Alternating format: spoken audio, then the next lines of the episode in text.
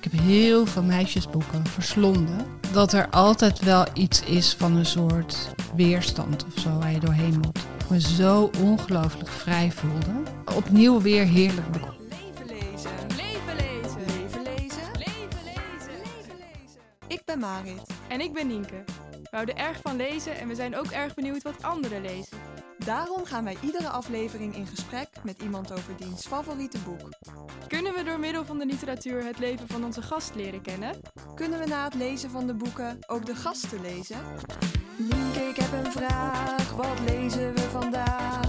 Dat moet je vragen aan onze gast. Wat koos die uit de boekenkast? Jean-Paul Sartre of Saskia Noord? Of hebben we er nog nooit van gehoord? Leven lezen. Leven lezen.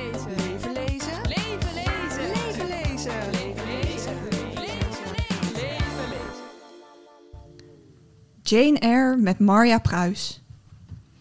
Ik heb u verteld, lezer, dat ik had geleerd meneer Rochester lief te hebben.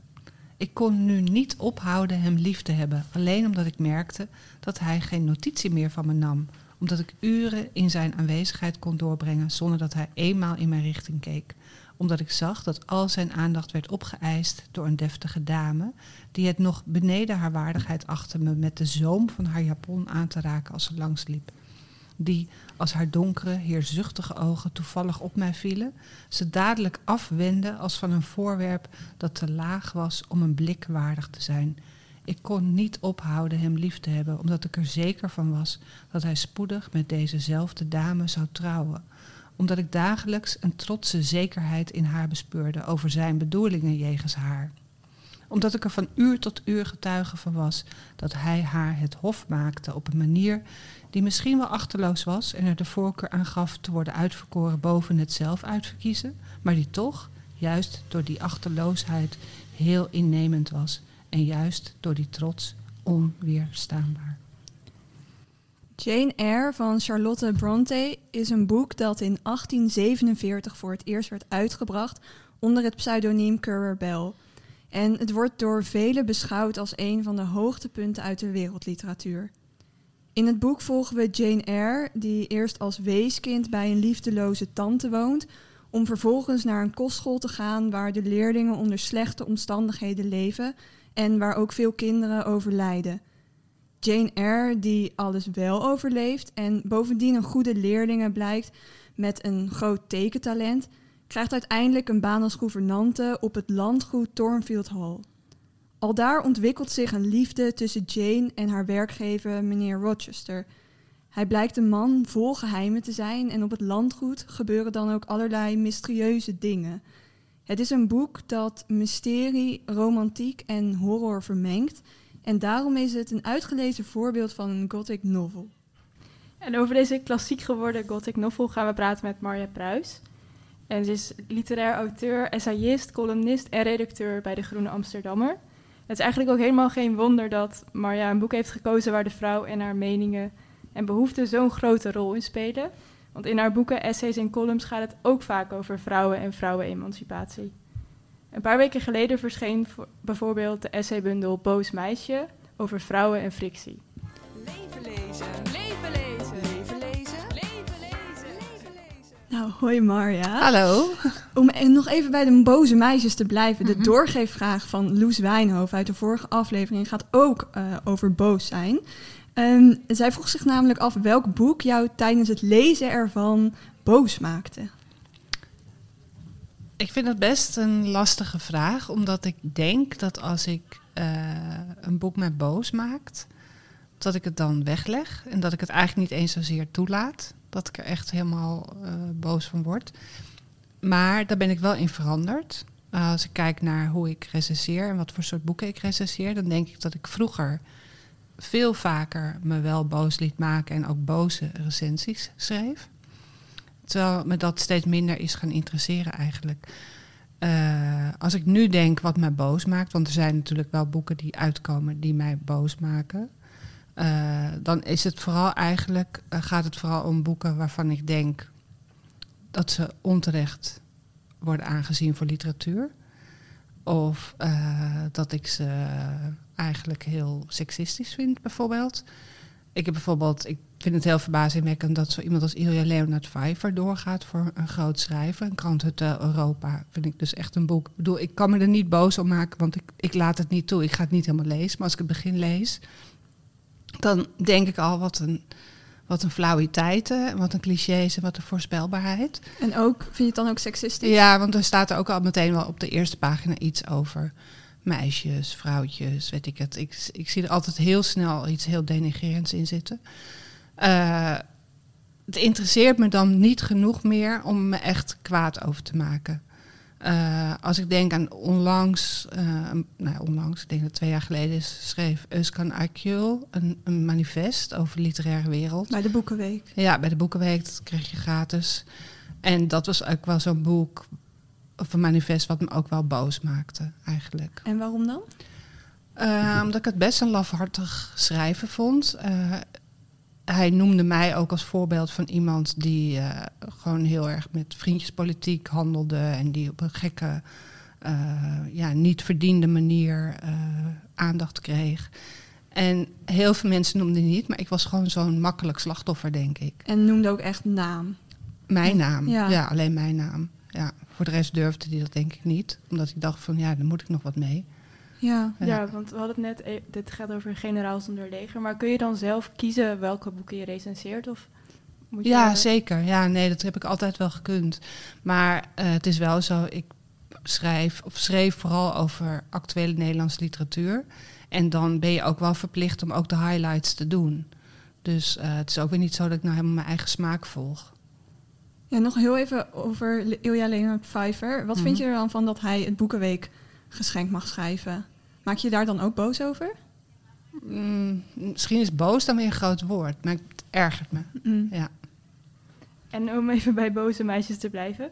JNR laat zich ook niet makkelijk afschepen en die maakt zich niet makkelijk van de wijs brengen. Mm -hmm. En wanneer er onrecht aangedaan wordt, is ze niet bang om daar iets van te zeggen en boos te worden. En wat fascineert jou zo in boze meisjes? Um, dat ze gedrag tentoonspreiden wat eigenlijk niet echt van ze wordt verwacht. En ik vind Jane Eyre, ik heb het afgelopen week herlezen. En ik was wel weer opnieuw getroffen door een soort van halstarrigheid die zij aan de dag legt. En ook eigenlijk tegen haar eigen zin in soms handelt. Heel standvastig is. Uh, meneer Rochester die vergelijkt haar met volgens mij een rietstengel of riet. Weet je wel, ze buigt, maar ze barst nooit. En uh, boze meisjes, het intrigeert me omdat ze eigenlijk een beetje tegen de keer in durven te leven en te handelen. En ben jij zelf vaak een boos meisje geweest als mm. kind? Nee, dat denk ik eigenlijk niet. Ik, uh, of misschien wel, maar dan altijd op een soort onder, onderdrukte manier.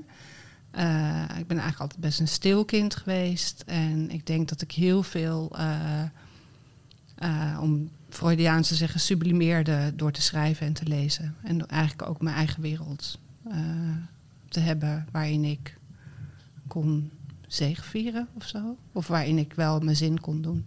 En als je dan Jane Eyre leest, is dat dan ook dat je misschien denkt, was ik maar meer zo'n kind geweest? Of? Mm, ik vind het wel heel moedig. Ik vind haar heel moedig. Uh, ze heeft zo'n zo soort zuiver geweten, moreel geweten. Ik weet het niet. Ze is ook best wel heilig eigenlijk. Ik bedoel, als ik dan kijk waardoor ze zich eigenlijk laat inspireren, is het toch ook wel heel godvruchtig. Weet je wel, het is dus wat dat betreft is het moeilijk om je helemaal te verplaatsen in iemand van die tijd. Mm -hmm.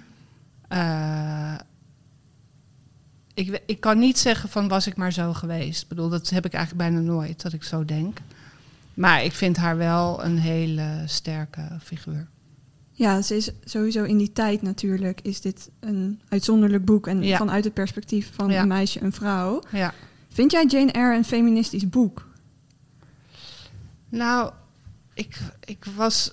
Toen jullie vroegen van welk boek gaat het om, dacht ik weer aan Jane Eyre. Ook wel omdat ik weet dat anderen heel veel hebben gehad aan Jane Eyre. Ik, Jane Eyre is zo'n boek wat gewoon op gezette tijden weer opduikt in mijn leven. Dus daarom is het wel echt het boek, het boek voor mij. Weet je, wat ik al begon te lezen als kind.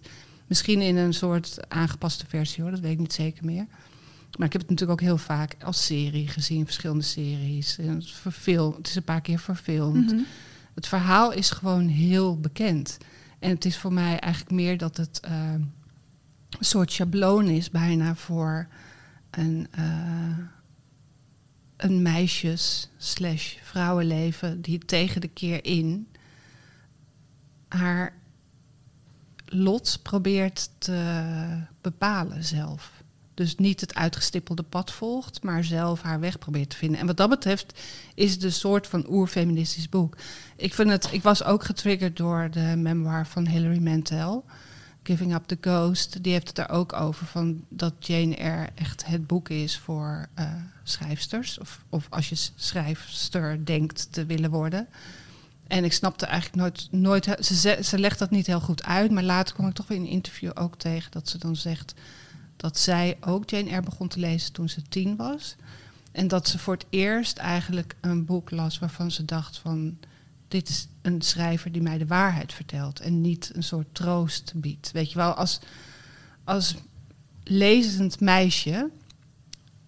Uh, ik weet niet in hoeverre ik dit algemeen kan zeggen. Ik weet ook niet in hoeverre dit nu veranderd is. Maar goed, laat ik het over mezelf hebben kom je bijna niet onder meisjeslectuur uit. Ik heb heel veel meisjesboeken verslonden. Wat voor boeken waren dat dan?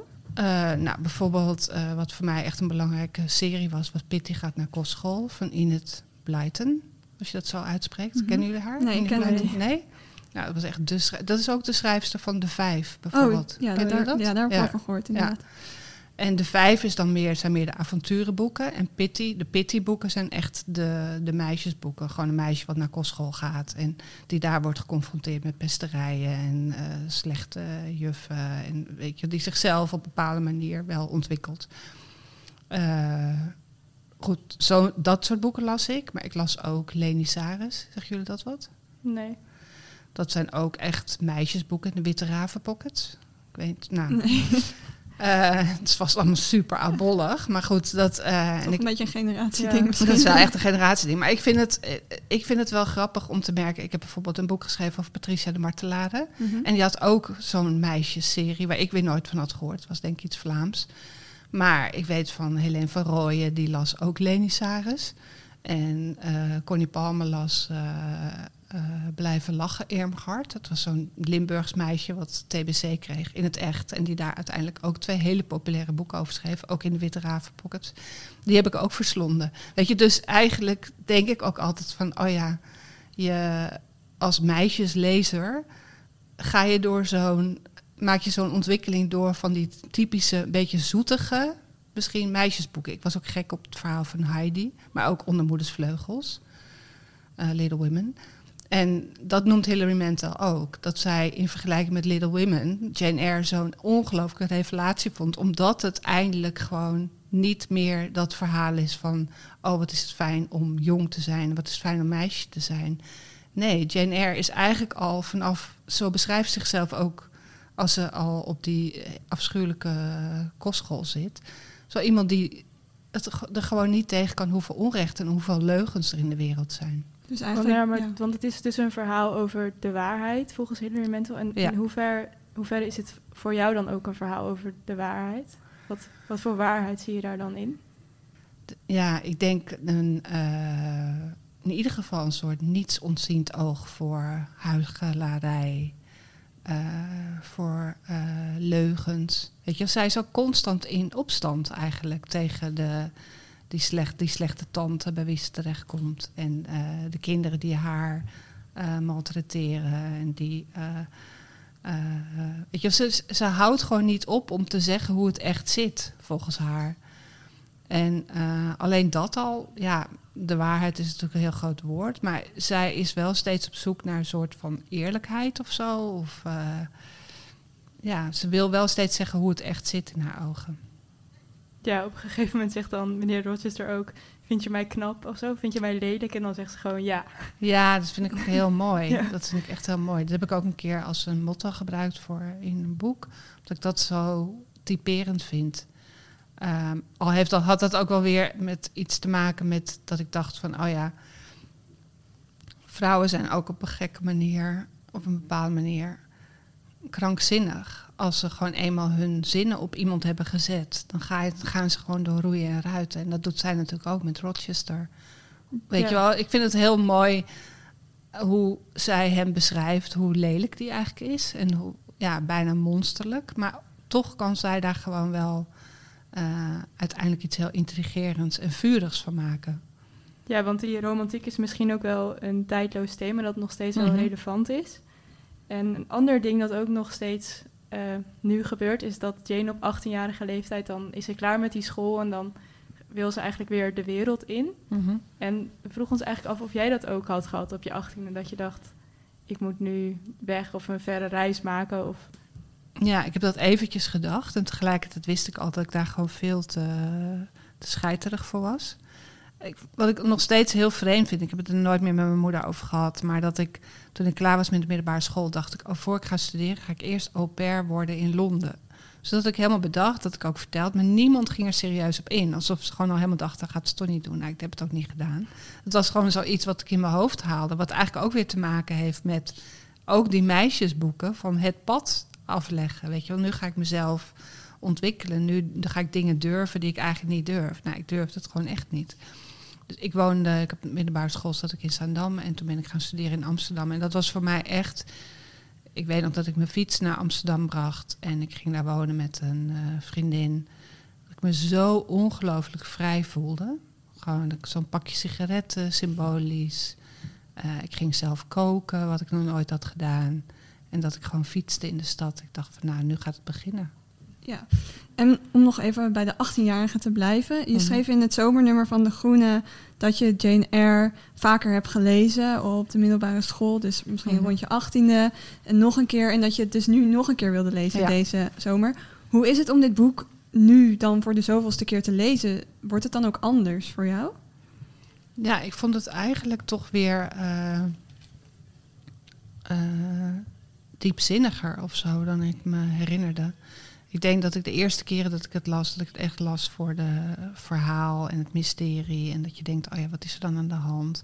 En nu wist ik alles. En toch las ik het allemaal geboeid door. En dat heeft echt te maken met dat zij alles zo op scherp zet of zo. Dat alles te maken heeft met innerlijke conflicten. En die beschrijft ze zo goed. Eh, het enige wat ik een moeilijke passage vond, was eigenlijk dat zij dus, eh, nou ja, ik bedoel, plotspoilers, dat, eh, daar hoeven we niet bang voor te zijn, denk ik. Maar goed, na, het na dat mislukte huwelijk, dat ze dan eh, besluit van, oh, ik ga toch bij hem, ik ga weg. Weet je Mhm. wel, terwijl haar hart zegt van nee, blijf, maar haar moraal zegt nee, je moet gaan. En dat hij dan eindeloos eh, haar probeert te bespelen om wel te blijven. Weet je wel, dat duurt zo lang. En ik dacht ook, het leidt allemaal nergens toe. En toen werd het me even te veel. Maar voor de rest... Ben, Maar te veel in de zin dat het dan te langdradig is? Of Nou, ik vond dat bijna, maar goed, het klinkt nu als, eh, alsof ik gewoon zo... Dat vind ik bijna te barbaars klinken om te zeggen. Maar ik vond het best... Dat vond ik wel een langdradig stuk. Mhm. Ja. Maar zij wil dan echt, denk ik, helemaal alles uitspelen als een enorm innerlijk conflict. Dus dan krijgt ze de hele tijd die stem. Ze heeft de stem in zichzelf, die de haar de hele tijd tot de orde roept. En dan krijgt ze ook die stem van Rochester zelf erbij. Maar- en dat werd Want op een gegeven moment dan vertrekt ze toch best wel snel uit dat Thornfield. Ja, opeens is het dan ook diezelfde nacht nog dat ze gewoon de spullen pakt. En, eh, ja, en gewoon ook zoiets dat ik probeer dan voor te stellen van ja, hoe zag het er toen uit? En gewoon ja, moeilijk voorstelbaar dat je als. Want het wordt ook tijd benaderd hoe klein ze is en hoe nietig. En, en ze is nog heel jong ook. En dat ze dan zonder iets, weet je wel, dat ze zelfs het ene parelen kettingje, wat, waar ze zich dan toe heeft laten verleiden om toch nog te accepteren van hem, dat ze dat ook nog weer laat liggen. Dan heeft ze dat kleine bundeltje en dan vergeet ze dat bundeltje in die koets. Nou ja. ja. Ik vond het toch weer, eh, ja, ik vond het een heerlijk, wel opnieuw weer heerlijk boek om te lezen. En mooi. Echt verpletterend mooi. Maar dus ook door al die reflecties die Jane deed. Ja, en Virginia Woolf die schrijft dus altijd over Charlotte Bronte. Ze was eigenlijk te boos als schrijfster. Weet je wel, ook in vergelijking met anderen. Ze vindt geloof ik eh, Emily Bronte meer het genie en Charlotte niet. Denk ik, ja. daar ben ja. het niet mee eens. Nee, maar die Emily boosheid... Bronte, Bronte is van Woeste Hoogte. Woeste hoogte, Ja. ja. Nee, ik, eh, misschien ligt het er ook aan welke Bronte je mee begint. En voor mij was het dus... eh, ik heb Emily Bronte pas, nou, denk ik zo gelezen rond mijn 25ste of zo. Mhm. Eh, Ja, die boosheid, ik weet het niet. Ik bedoel, boosheid is ook productief uiteindelijk. De boosheid van... Van, de schrijfster. Ik bedoel, waarom zou je als schrijver niet... Weet je, dat proef ik een beetje bij Virginia Woolf. Die zegt van... Ze is te boos om echt een afgewogen roman te kunnen schrijven. Met personages die op een soort van... Ja, misschien open manier meer op elkaar reageren. En misschien dat Charlotte Bronte, gezien haar eigen geschiedenis ook... eh, te veel dat ze zelf haar persoonlijke rancune of angsten of weet ik veel wat eh, in haar boek beschreef. Maar ja, wat is daartegen? Op wat voor manier zie jij dat dan terug?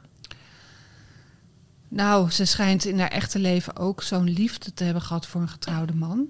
Eh, zij gaf les op een school in Brussel en hij was haar meerdere, dacht ik. Monsieur Higer, of Higer, ik weet niet hoe je het uitspreekt. En uit brieven die bewaard zijn gebleven blijkt ook dat zij hem wel echt heeft bestookt. En misschien ook wel in een soort innerlijk conflict terechtkwam. Dus die, die liefde voor die man, die eigenlijk niet voor de hand liggend was. Hij was ouder, hij zag er niet uit. Eh, dat zou dus allemaal gewoon de, de, de inspiratiebron zijn geweest voor Jane Eyre. Maar dat was dan nooit echt iets geworden? Of? Volgens mij niet. Nee, ik dacht het niet. Nee. Maar volgens jou kan boosheid dus wel een, een drijfveer misschien zijn om, Ja. eh, om een boek te schrijven. Ja. Heb je dat zelf ook, dat boosheid bij jou een boek voortbrengt? Ehm, misschien vroeger meer ook dan nu. Ik denk eh, dat ik dat vroeger heel erg dacht van, oh ja, met, door een boek te schrijven kun je iets rechttrekken of goed maken of kun je zegevieren in een situatie waarin je in het gewone leven ten onder gaat. Maar eh, inmiddels eh, denk ik dat ik daar eigenlijk ook wel weer op dat soort boeken waarin duidelijk is dat een schrijver zich superieur waant ten opzichte van de wereld en van zijn eigen personages. Eigenlijk vind ik dat ook geen boeken meer om te lezen. En waarom? Toch, toch breng je dan een essaybundel uit waarin je andere mensen wil leren of een soort van wil Mhm. vertellen hoe het zit.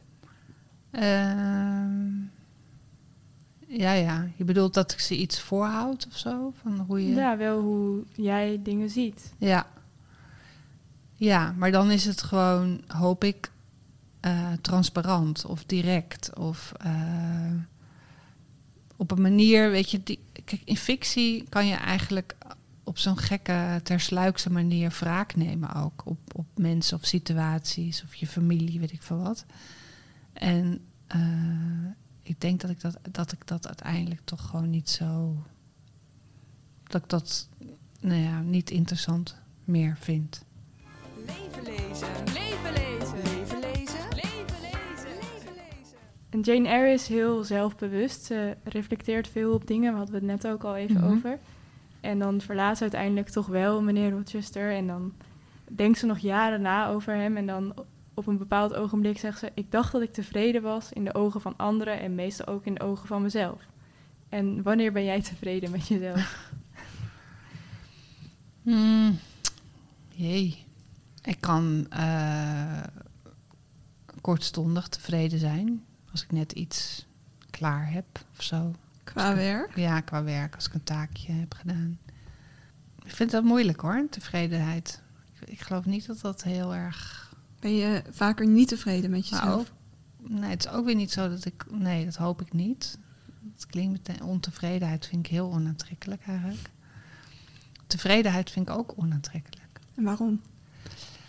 Eh, tevredenheid vind ik al snel aanleunen tegen een soort van zelfgenoegzaamheid. Alsof het gewoon goed is wie je bent en wat je doet. En op een of andere manier vind ik dat niet helemaal een fijne positie in het leven. Ik denk altijd van, nou, het klinkt heel Calvinistisch misschien ook, maar dat ik altijd denk, oh, dat kan altijd iets beter. Eh, ik vind het ook snel, niet snel goed genoeg, denk ik. Eh, ik moet altijd zeggen, als, als een klein kind de beste zijn. Heb ik altijd nog als ideaal in mijn hoofd. Ik moet de beste zijn. Maar ja, wanneer ben je ooit de beste? Heb je ooit dat gevoel dat je denkt, nou, nu ben ik de beste? Ik denk het niet echt. Dus eigenlijk Nee. bereik je dan nooit dat punt wat je wel wil Nee. bereiken. Ja. ja, ik denk wel dat ik mensen goed voor de gek kan houden. Dus dat ik kan doen alsof ik de beste ben. Maar die, ik weet zelf dat ik niet de beste ben. Maar dan moeten anderen dat wel geloven. Ja, ik zou het wel. Ik, wil, ik ben er wel denk ik op uit om andere mensen te bespelen. En eh, te ze erin te laten geloven. Ja. ze in mij te laten geloven. En waarom is het voor jou belangrijk dat anderen dat wel geloven, als je het zelf niet gelooft? Ik denk dat het gewoon eh, aangenaam is. Dat het fijn is als iemand eh, je bewondert, bijvoorbeeld. Het is denk ik het eeuwige spel van waan en illusie. En ik vind wel heel veel dingen gewoon een illusie eigenlijk waar ik in zit, denk ik. Als iemand aan me vraagt van, hé, hey, wat voor werk doe je en wat... eh, dan kan ik heel enthousiast vertellen over mijn werk. Gewoon mijn werk bij De Groene bijvoorbeeld. Dat, dat ik, ik kan oprecht zeggen van, oh, ik heb de beste baan van de wereld. Waarmee ik dus niet zeg dat ik de beste redacteur ben, maar ik heb de beste baan van de wereld. Ik had op geen andere plek beter kunnen, kunnen zijn. En dat geloof ik dan ook oprecht. En tegelijkertijd is er wel altijd een stemmetje in mijn hoofd die zegt van ja, maar het is toeval. Weet je, als, ik denk dat ik ook wel het talent heb om waar ik dan ook ben, om te denken, ik ben op de beste plek. Ik zorg dat ik dan hetzelfde gevoel heb, of dat andere mensen denken, jij zit op de beste plek. En dat is misschien ook wel een manier dan om houvast te vinden of hoop te geven. Ja. Jane Eyre vindt heel veel hoop ook in geloof. Mhm. Ehm, ja, waar wend jij je toe verder om hoop te krijgen? Of wat geeft jou houvast in het leven? Heel veel eh, dagdromen, denk ik. Het is natuurlijk een heel zacht houvast, maar het is wel mijn houvast. Ik kan heel erg fantaseren. Ik vind het wel eens verbazend. Ik denk, goh, houdt dat nooit op? Nee, het houdt dus nooit op. En dat Ja. is er ook altijd al geweest. is altijd al geweest. Als Ja. kind al.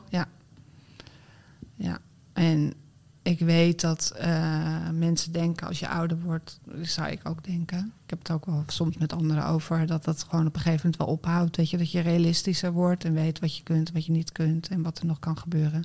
Maar ik kan oprecht nog denken dat ik nog, ik weet niet hoeveel levens voor de boeg heb. En wat voor levens dan? Dat ik heel ergens anders woon, dat ik verdwijn, dat mensen niet meer weten waar ik ben. ehm, dat ik eigenlijk ook iets heel anders doe. Dat ik opeens heel eh, goed blijk te kunnen zingen, bijvoorbeeld. Zijn het dan wel ook levens waar je ook een soort van in het publiekelijkheid treedt? Want door te schrijven treed je natuurlijk ook in de publiekelijkheid. En je geeft nu als voorbeeld van dat je heel goed kunt Mhm. zingen. Is dat voor jou ook belangrijk, dat je wordt gezien? Ik denk het wel, ja. Ik denk wel dat me dat heel veel eh, soort van rust geeft. Gewoon zo'n. Eh, vorig jaar was er iemand die aan mij vroeg van, nou, wat, wat, weet je, wat is je beste tijd? En toen dacht ik opeens, oh, maar ik zit nu in mijn beste tijd. Maar dat is dus ook zoiets, het hoort er ook bij. Dat, dus dat ik kan denken, oh ja, maar, nee, dit is echt de beste tijd waar ik nu in zit. Eh, En dat heeft toch ook te maken met eh, dat mensen me zien, inderdaad. Ik voel me gezien. En dat is ook een heel fijn gevoel. Dat je Dat kunt fijn. denken, Ja. dit is de beste tijd Ja. waarin ik leef. Ja. Ja, we zijn bijna aan het einde van de aflevering gekomen. En nu heb ik ter voorbereiding van deze podcast ook een andere podcast geluisterd. Eh, met Ellen Dekwits en Joost de Vries praat je dan over de zussen Bronte in Boeken FM. En aan het einde van, ja, waarin jij een soort van samenvat waar Jane Eyre over gaat, zeg je dan dat iedereen wel een meneer Rochester heeft gekend in zijn leven. en dan gaat Joost de Vries heel snel door met een ander onderwerp, maar nu vroegen wij ons nog steeds wel echt af wie die, die andere meneer Rochester was dan in jouw leven. Eh, En ja, wat, ja, ja. wat, wat maakt ook zo'n type een meneer Rochester? Ik vind het heel lastig om te zeggen wie hij concreet is in mijn leven. Maar ik weet zeker, eh, en dat heb ik zelf ook gehad. Er zijn altijd gewoon figuren in je leven van wie je weet van, eh, dat ze uiteindelijk niet goed voor je zijn. En meneer Rochester is uiteindelijk wel iemand die goed is voor Jane. Eh, hij is als was in haar handen. Maar ehm, het is wel zo, en dat geldt eigenlijk ook wel eh, voor de man met wie ik al eigenlijk mijn hele leven ben, dat er altijd wel iets is van een soort weerstand of zo waar je doorheen moet. Ook voordat je iemand kunt omarmen. En dat vind ik heel kenmerkend voor de liefde, denk ik. Eh, dat het nooit zo is eh, wat je in zeg maar de meer zoetsappige verhalen leest. Van eh, het aantrekkelijke. Weet je, voor mij is het echt van je moet ergens doorheen, juist door weerzin en door eh, angst. Dus wat dat betreft denk ik, ja, die- die, Rochester, vind dat die, die liefde voor hem die zij heeft en hoe ze naar hem kijkt, en eh, vind ik zo goed en waardig getroffen. Dus gewoon de beschrijvingen van hoe het is om met iemand heel erg diep verbonden te zijn, is eigenlijk. Ja, dat, maar ook wel eh, dat, die, dat, die, dat gevoel van verbondenheid nooit één kleur heeft of zo. Weet je, dus dat je hem ook. eh, dat de, ja, de. de weerzin of een soort afgrondelijk besef van. Nou, is dit hem nou? Weet je, dat, dat idee. Is dit hem nou? Dat dat er altijd is. En dat is misschien ook wat dit boek dus zo echt maakt. Mhm. Wat je al eerder zei. Ja. En niet zo zoetsappig Ja. als heel veel Ja. van die meisjesliteratuur. De doorgeefvraag. De doorgeefvraag. Tot slot ehm, komen we alweer bij de doorgeefvraag voor de volgende aflevering. De volgende gast is zangeres Maaike Ouwboter. Dus we vroegen ons af of je ook een vraag voor haar hebt. Ja, ik, wat ik gewoon mij wel fascineert is eh, in hoeverre muziek en literatuur met elkaar overeenkomen. Ik ben geneigd, ook omdat ik zelf dus niet goed kan zingen, voordat hier misverstanden over bestaan. Eh, helemaal niet muzikaal ben, maar ik hou wel heel erg van muziek. Maar ik ben geneigd om muziek boven literatuur te stellen als kunstvorm. En Vanwege de teksten of de. Eigenlijk vanwege de abstractie die erin zit. Gewoon omdat het gevoel op een of andere manier meer eh, onbenoembaar kan blijven. Weet je, bij literatuur ben je toch altijd aan het denken van... oh ja, het is het stijl, of het is het verhaal, of het is het personage. En muziek, vind ik, komt tot je. Tot een soort van samen iets, samenspel. Of er nou in- tekst bijgepaard gaat of niet. En ik vroeg me dus af hoe zij dat ziet, eh, het verband tussen muziek en literatuur. En of eh, voor haar een boek is dat eh, haar op zo'n manier kan beroe- beroeren als een lied. Hele mooie vraag. We zullen het aan haar doorgeven. En heel erg bedankt voor het interview. Ik vond het een eh, erg leuk gesprek. Ik ook, zeker. Bedankt voor het luisteren naar deze aflevering van Leven Lezen. Wil je meer afleveringen beluisteren? Volg ons dan in je favoriete podcast-app. Heb je een vraag? Of wil je ons gewoon iets laten weten? Stuur dan een mail naar levenlezen.gmail.com. Je kunt ons ook volgen op Instagram en Twitter. Tot de volgende keer!